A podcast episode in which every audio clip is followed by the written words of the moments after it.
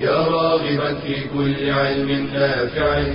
ينمو العلم ويتقدم تقنياته ومجالاته ومعه نطور أدواتنا في تقديم العلم الشرعي. أكاديمية زاد. زاد أكاديمية ينبوعها. صاف صاف ليروي غلة الظمآن. وتعلم اللغة الفصيحة ورعاها بطريف أسلوب وحسن بيان. بشرى لنا زاد أكاديمية للعلم كالأزهار في البستان. بسم الله الرحمن الرحيم. الحمد لله رب العالمين والصلاة والسلام على أشرف الأنبياء والمرسلين. نبينا محمد وعلى آله وصحبه أجمعين. مرحبا بكم أيها الإخوة إلى هذا الدرس الثامن من دروس اللغة العربية في أكاديمية زاد العلمية. في الفصل الأول درسنا اليوم سيكون عن النوع الثاني والقسم الثاني من أقسام الكلمة عن الفعل. في الدروس السابقة تحدثنا عن الاسم عن تعريف الاسم عن علامات الاسم عن أقسام الاسم من حيث التذكير والتأنيث. وعن أقسامه من حيث آخره. واليوم نتحدث عن الفعل. الفعل هو القسم الثاني من أقسام الكلمة. سنتحدث عن تعريف الفعل ماذا يقصد بالفعل؟ عن علامات الفعل. كيف يعرف الفعل؟ ما هي العلامات التي تميز الفعل عن غيره عن الاسم والحرف؟ ونتحدث أيضا عن أقسام الفعل والفعل له تقسيمات متعددة. آه، أسأل الله عز وجل أن يوفقنا جميعا للعلم النافع والعمل الصالح. أيها الإخوة هلم بنا إلى شاشة العرض لنبدأ الحديث عن الفعل.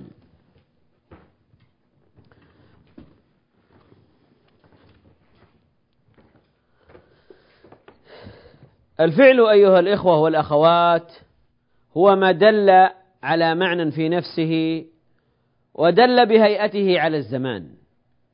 الفعل يدل على أمرين. يدل على الحدث ويدل على الزمن. حينما حينما أقول ذهب فإنني بهذا بهذا الفعل أدل على شيئين. أدل على حدوث الذهاب الذي هو الحدث الذهاب وعلى زمن هذا الذهاب. زمن هذا الذهاب فيما مضى وليس الآن أو فيما بعد. فإذا حينما أقول ذهب حينما أقول كتب فإنني أدل على الكتابة على حصول الكتابة حصول الحدث الكتابة وأدل أيضا على أن هذه الكتابة حدثت في زمن مضى. حينما أقول سيكتب. أيضا أدل على الحدث وهو الكتابة وأدل على الزمن وهو فيما فيما يأتي من الزمان أو المستقبل. يكتب يكتب الحال أو الاستقبال هذا الزمن زمن الحاضر أو المستقبل. إذا أيها الإخوة الفعل يدل على أمرين على الحدث الذي هو حدوث الشيء والفعل ويدل على الزمن ويدل على الزمن.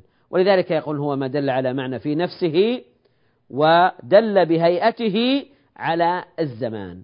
مثل سافر ذهب رجع كتب يسافر يكتب يرجع ارجع اذهب سافر.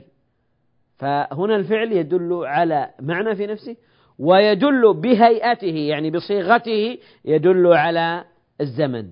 إما أن يدل على الماضي الزمن الماضي أو الحاضر أو المستقبل الحاضر أو المستقبل. طيب الآن الفعل هو القسم الثاني. القسم الأول الاسم والقسم الثاني الفعل والقسم الثالث الحرف. كيف نميز الفعل عن غيره كيف نميزه عن الاسم وعن الحرف؟ إذا جاءت عندنا كلمة كيف نتأكد ونتيقن أنها فعل؟ هل هي فعل أو حرف أو اسم؟ كما ذكرنا في الاسم أنه أن للاسم علامات يعرف بها يعرف بها فإن للفعل علامات.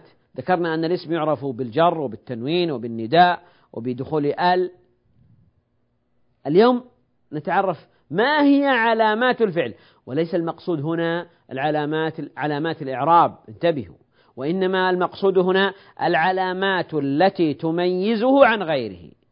يعني ما هي الأمارات والعلامات التي نتعرف على هذه الكلمة بأنها فعل؟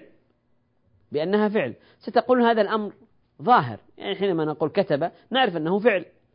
ذهب نعرف أنه فعل. يكتب نعرف أنه فعل. هناك أفعال ظاهرة لا تحتاج إلى هذه العلامات ولكن هناك أفعال ملتبسة. هل هي هل هي اسم أم فعل؟ هل هي فعل أم حرف؟ ولذلك نحتاج إلى هذه العلامات التي تميز. فالمقصود بالعلامات هنا يعني العلامات الأمارات التي نستطيع من خلالها أن نميز الفعل عن غيره أو أن نعرف أن هذا فعل أن هذا أن هذا فعل.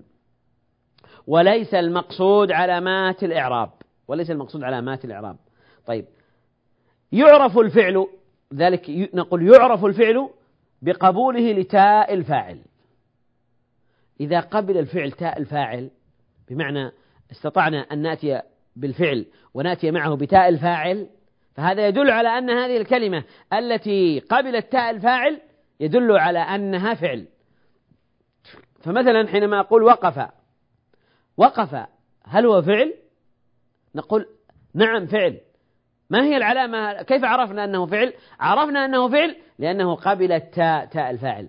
فنقول وقفت وقفت وقفت وهكذا. فإذا قبوله للتاء قبوله للتاء هذا يدل على أنه فعل لأن الاسم لا يقبل هذه التاء. هذه تاء الفاعل وانتبهوا ليست تاء التأنيث وإنما تاء الفاعل التي تدل على الفاعل. وقفت وقفت وقفت. أكلت أكلت أكلت. درست درست درست. هذه تسمى تاء الفاعل وهذا ضمير هذا ضمير متصل يدل على الفاعل وفي محل رفع فاعل. فإذا إذا قبل الفعل أن يتصل بهذه التاء فهذا يدل على أنه فعل. لأن هذه التاء لا تأتي مع الاسم ولا مع الحرف. لا تأتي مع الاسم ولا مع الحرف. العلامة الثانية تاء التأنيث. تاء التأنيث. وانتبهوا. عندنا تاء التأنيث الساكنة وعندنا تاء التأنيث المتحركة. ولذلك هنا يجب أن نقول يجب وجوبا أن نضيف تاء التأنيث الساكنة. نضيفها جم... مع... معا الساكنة. أضيفوها في كتبكم. الساكنة. لأنه ليس كل تاء تأنيث تكون علامة للفعل. ليس كل تاء تأنيث تكون علامة للفعل. إنما تاء التأنيث الساكنة الساكنة وليست المتحركة لأن عندنا حينما نقول هذه مسلمة أليس فيها تاء تأنيث؟ طيب هل مسلم كلمة مسلم الذي جاءت فيه تاء التأنيث هل هو فعل؟ الجواب لا إنما هو اسم إنما هو اسم فإذا هنا العلامة الثانية تاء التأنيث الساكنة تاء التأنيث الساكنة وليست تاء التأنيث المتحركة. مثل كتبت هند كتبت فكتبت هنا اتصلت به تاء التأنيث الساكنة. وتاء التأنيث الساكنة لا تلحق إلا الفعل. فهي علامة يعرف بها الفعل ويميز عن غيره من الاسم والحرف. إذا أيها الإخوة هذه علامات الفعل. العلامة الأولى تاء الفاعل العلامة الثانية تاء التأنيث الساكنة. أما العلامة الثالثة فهي التي سنتعرف عليها إن شاء الله بعد الفاصل. بشرى أكاديمية للعلم كالأزهار في البستان.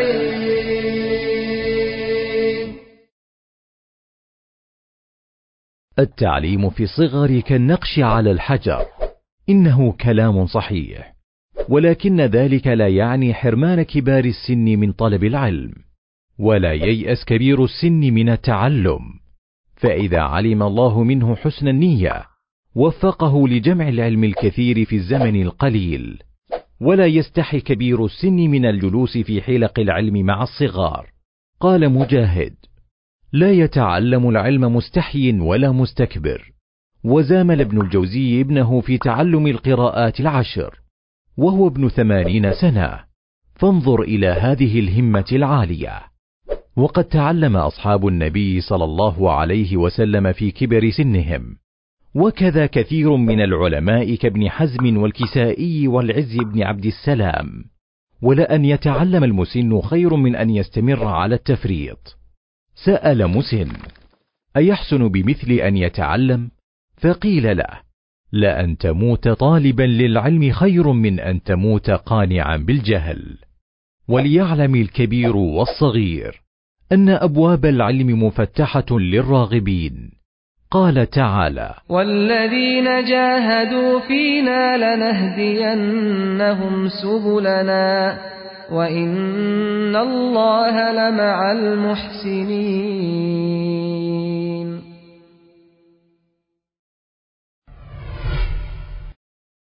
بشرى لنا ذات أكاديمية للعلم كالأزهار في البستان.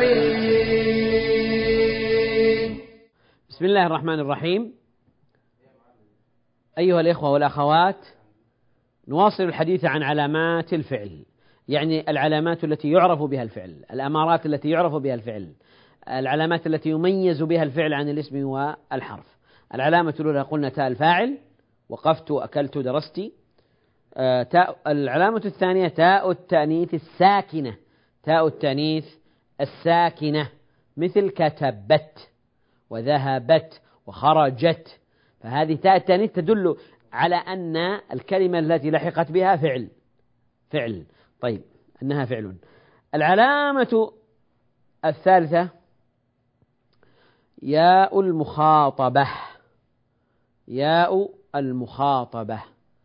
حينما نقول تكتبين أنت تكتبين أنت تذهبين فيها ياء تسمى ياء المخاطبة. اذهبي اكتبي اعلمي وهكذا. فيها ياء تسمى ياء المخاطبة. هذه ياء المخاطبة لا تلحق إلا الفعل. لا تلحق إلا الفعل فهي علامة من علامات الفعل. العلامة الثانية عفوا العلامة الرابعة نون التوكيد الخفيفة والثقيلة. الخفيفة والثقيلة. آه، آه، هذه النون تلحق الفعل للتأكيد. اكتبن لتكتبن لترجعن لا آه، نذهبن وهكذا. فنون التوكيد هذه لا تلحق إلا الفعل فهي علامة تميز الفعل عن غيره. وتكون آه، ثقيلة اكتبن اذهبن لتكتبن آه، قال الله عز وجل وتالله لأكيدن أصنامكم. فهذه نون التوكيد الثقيلة. هناك نون التوكيد الخفيفة. نون التوكيد الخفيفة تكون نونا ساكنة. ساكنة. فتقول مثلا أقبلن يا زيد. أقبلن يا زيد. فهي ما تقول أقبلن. إذا قلت أقبلن صارت نون توكيد ثقيلة. أما إذا قلت أقبلن يا زيد فهي نون توكيد خفيفة. لكن هنا آه، آه، يعني فائدة آه، مهمة جدا. أننا في في كتابة النون التوكيد الخفيفة نكتبها مثل ما نكتب تنوين النصب. مثل ما نكتب تنوين النصب. هذه فائدة. يعني نكتبها ألفا ولا نكتبها نونا. في. في نون التوكيد الخفيفة. هذه الكتابة الصحيحة لها. يعني إذا أردنا أن نصحح ما هو مكتوب هنا فنقول أقبلا يا زيد. نكتب هذه النون ألفا. نكتبها ألفا. ولذلك إذا رجعنا إلى آه، آه، المصحف الشريف نجد قول الله عز وجل لنسفعا بالناصية.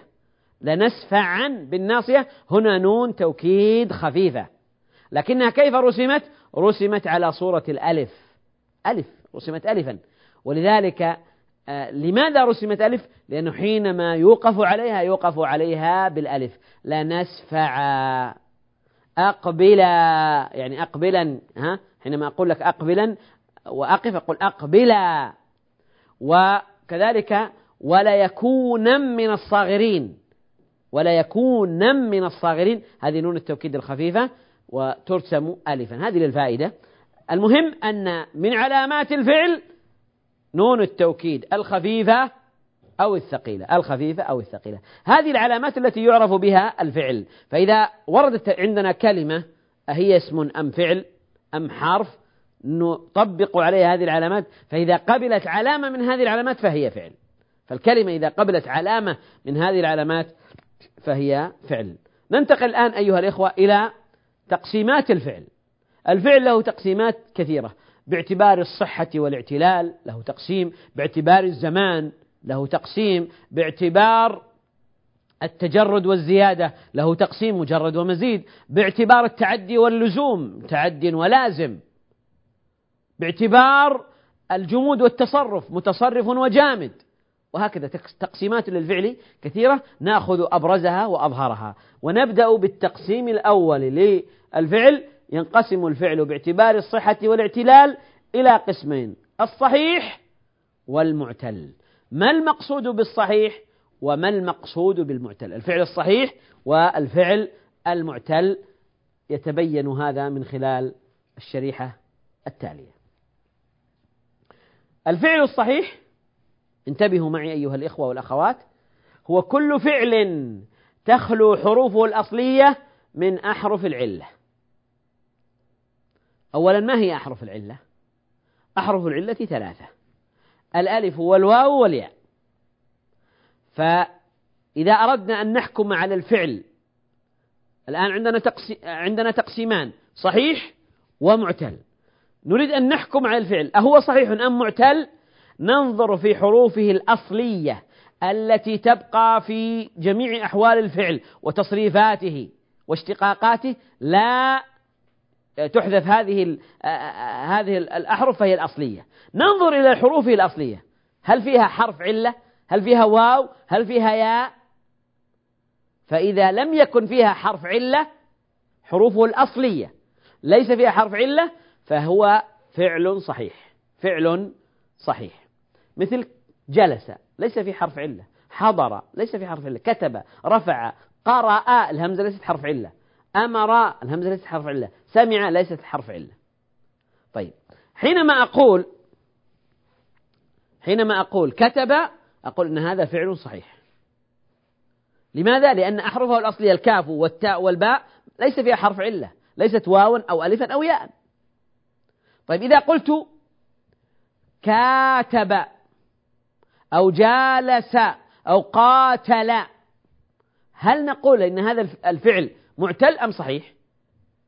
الجواب نقول إنه إنه فعل صحيح. كيف صحيح؟ ننظر إلى حروفه الأصلية انتبهوا كاتب وجالس وقاتل ما هي حروف الأصلية قاتل ما هي حروف الأصلية القاف والتاء واللام القاف هل هي حرف علة لا التاء حرف علة لا اللام حرف علة لا. الألف زائدة وليست أصلية. إذا نحن ننظر في في هذا التقسيم إلى الحروف الأصلية. دائما منطلقنا من الحروف الأصلية. لا ننظر إلى واقع الفعل وإنما ننظر إلى حروفه الأصلية. فإذا كانت حروف الأصلية تخلو من أحرف العلة فهو فعل صحيح. فهو فعل صحيح. والفعل الصحيح ينقسم إلى ثلاثة أقسام. هذا تقسيم داخلي للفعل الصحيح. إلى ثلاثة أنواع. السالم وهو ما خلت حروفه الأصلية من حروف العلة فهو صحيح والهمزة والتضعيف. يعني ليس فيه همزة ولا ولا مضعف. ولا مضعف يعني مشدد يعني آه، آه، مكرر. في حروف مكررة. فهذا يسمى السالم. مثل جلس حضر رفع سمع. النوع الثاني المهموز كل هذه كلها صحيحة لأنه لماذا هذه كلها صحيحة؟ لأنه ليس فيها حرف علة أصولها ليست فيها حرف علة. القسم الأول السالم الثاني المهموز هو كل فعل كان أحد أصوله همزة. سواء كانت الهمزة في أول الكلمة أمر أم في وسط الكلمة سأل أم في آخر الكلمة قرأ. أخذ سأل قرأ. هذا يسمى المهموز. وهو نوع من أنواع الصحيح. وهو نوع من أنواع الصحيح. الثاني المضعف يعني الذي فيه أحد أصوله مكرر. أحد أصوله مكرر باختصار. المضعف هو ما كان أحد أصوله مكررا. عندنا المضعف الثلاثي ما كانت عينه ولامه من جنس واحد مثل مد عد سد شد. ما هي الأحرف الأصلية شد؟ الشين والدال والدال. إذا في تكرار للدال هذا يسمى مضعف. ومضاعف الثلاثي لأنه من ثلاثة أحرف. مضاعف الرباعي ما كان ما كانت فاؤه ولامه الأولى من جنس وعينه ولامه الثانية من جنس آخر. ما كان أوله وثالثه من جنس ثانية ورابعه من جنس. يعني تكرر الحرف الأول وتكرر الحرف الثاني. مثل آه، زل زل زلزل وسوس لجلج والولا زلزل هذا مضاعف رباعي لأنه تكرر الحرف الأول. تكرر الحرف الأول. إذا الفعل الصحيح هو ما كانت حروفه الأصلية خالية من أحرف العلة حروفه الأصلية. والصحيح ينقسم إلى ثلاثة أقسام. السالم ما خلت أصوله من آه، حروف العلة والهمزة والتضعيف. والمهموز ما كان فيه حرف آه، الهمزة. والمضاعف وما كرر أحد أصوله. فاصل أيها الإخوة ثم نواصل الحديث بإذن الله عز وجل. بشرى لنا أكاديمية للعلم كالأزهار في البستان.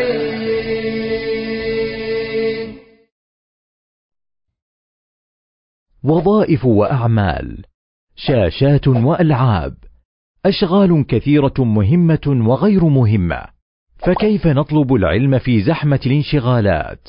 أما الأشغال الباطلة والمحرمة كالأفلام والمسلسلات فيجب الإقلاع عنها فورا وبذلك يتوفر وقت طويل لطلب العلم. والقناعة توفر الوقت المبذول في تحصيل النفقات الترفيهية فيمكن إغلاق المحل يوما في الأسبوع مثلا وتخصيصه لطلب العلم. ويمكن التناوب مع زميل على طلب العلم فيحضر أحدكما حين يغيب الآخر ثم تتبادلان المعلومات.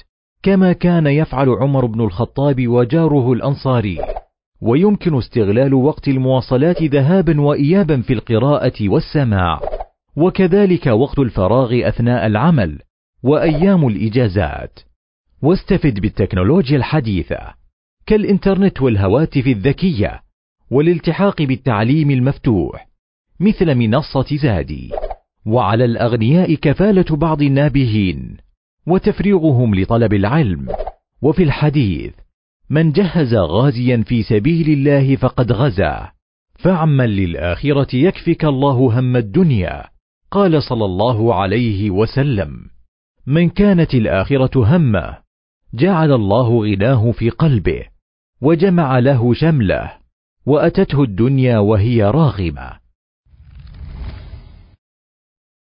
بشرى لنا أكاديمية للعلم كالأزهار في البستان.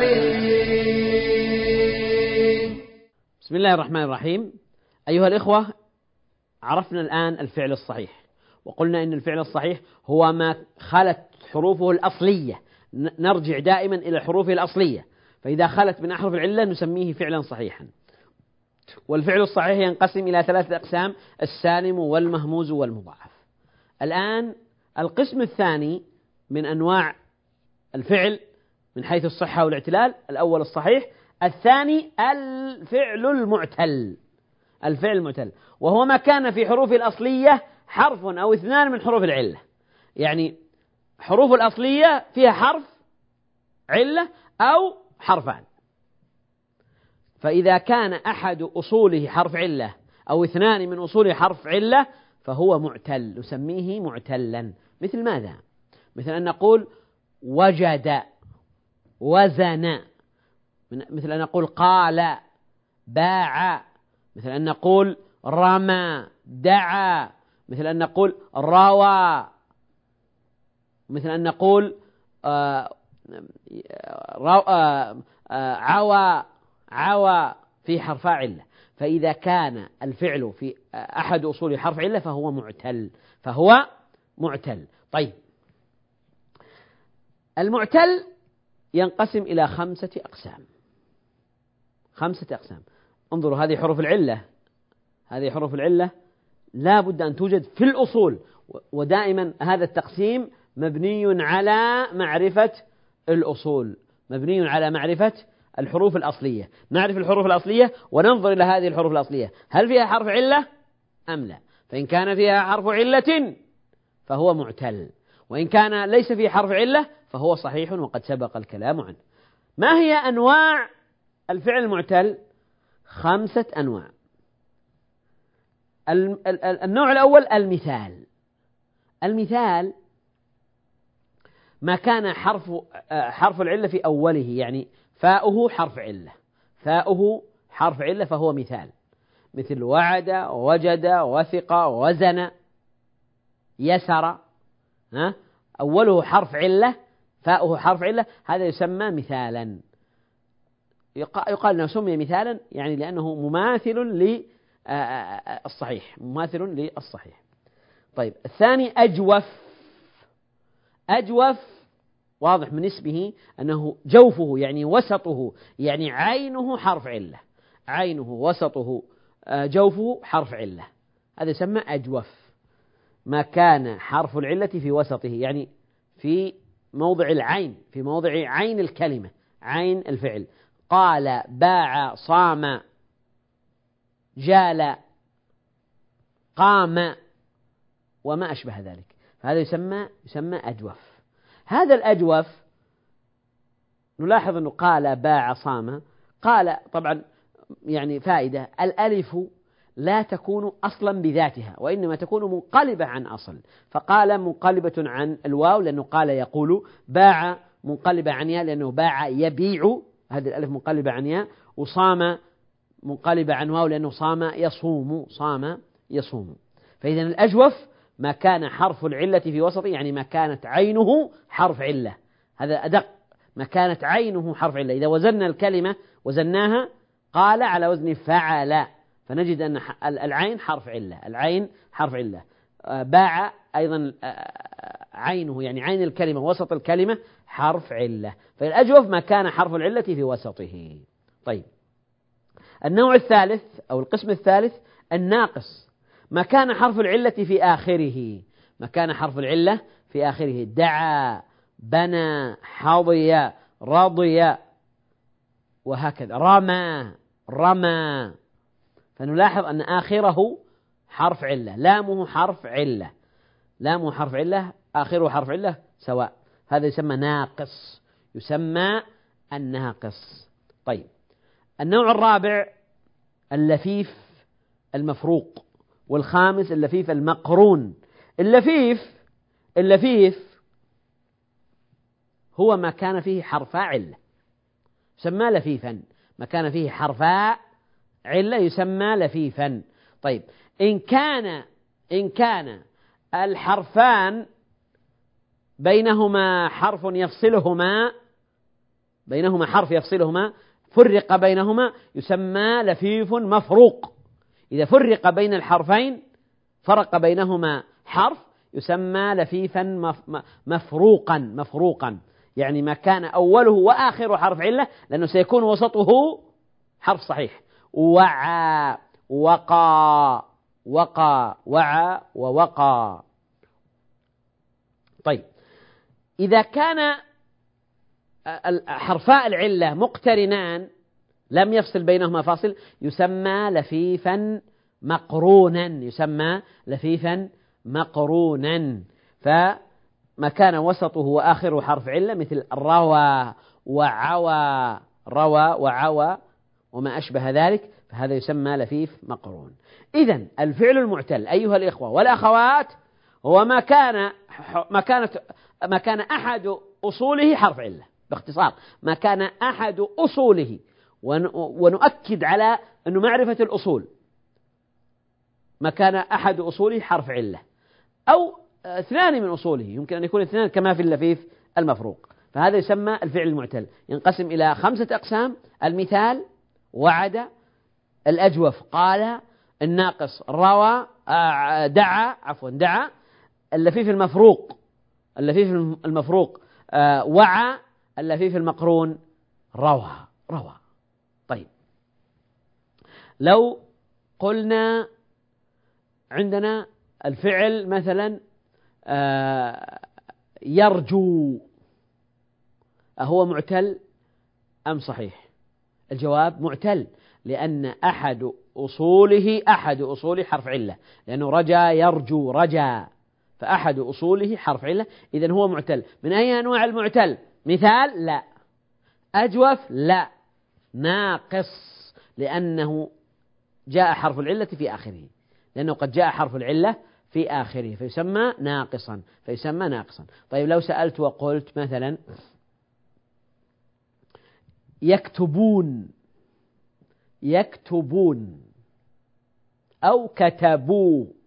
هذا الفعل هنا معتل أم صحيح؟ انتبهوا كتبوا فيه واو ويكتبون فيه واو. هل هو حرف معت... هل هو فعل معتل أم فعل صحيح؟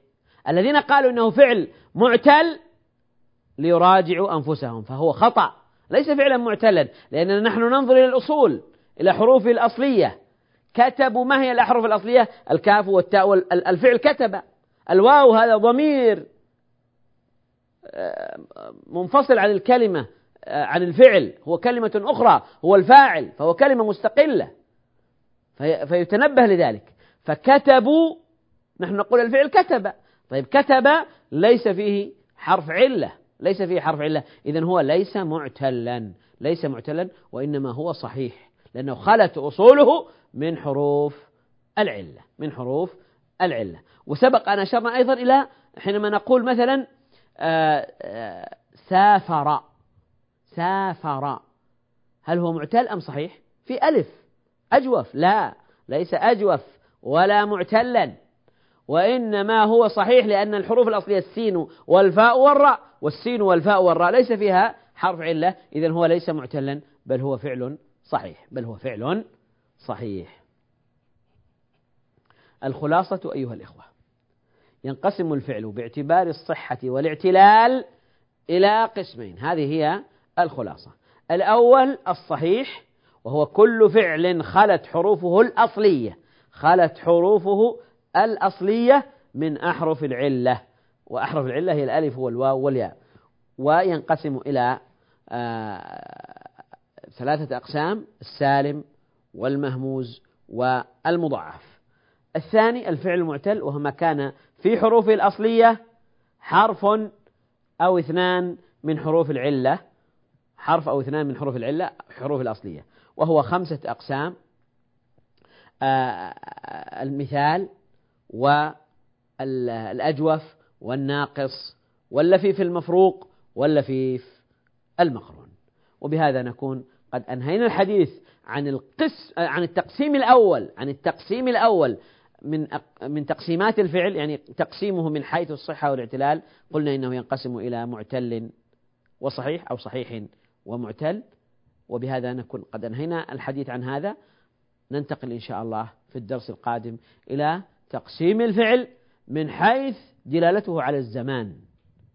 ينقسم إلى ماض ومضارع وأمر. إلى أن نلتقي في ذلك الحين أستودعكم الله. والسلام عليكم ورحمة الله وبركاته. تلك العلوم دروسها ميسورة في صرح علم الراسخ الأركان. بشرى لنا بشرى لنا بشرى لنا أكاديمية للعلم كالأزهار في البستان.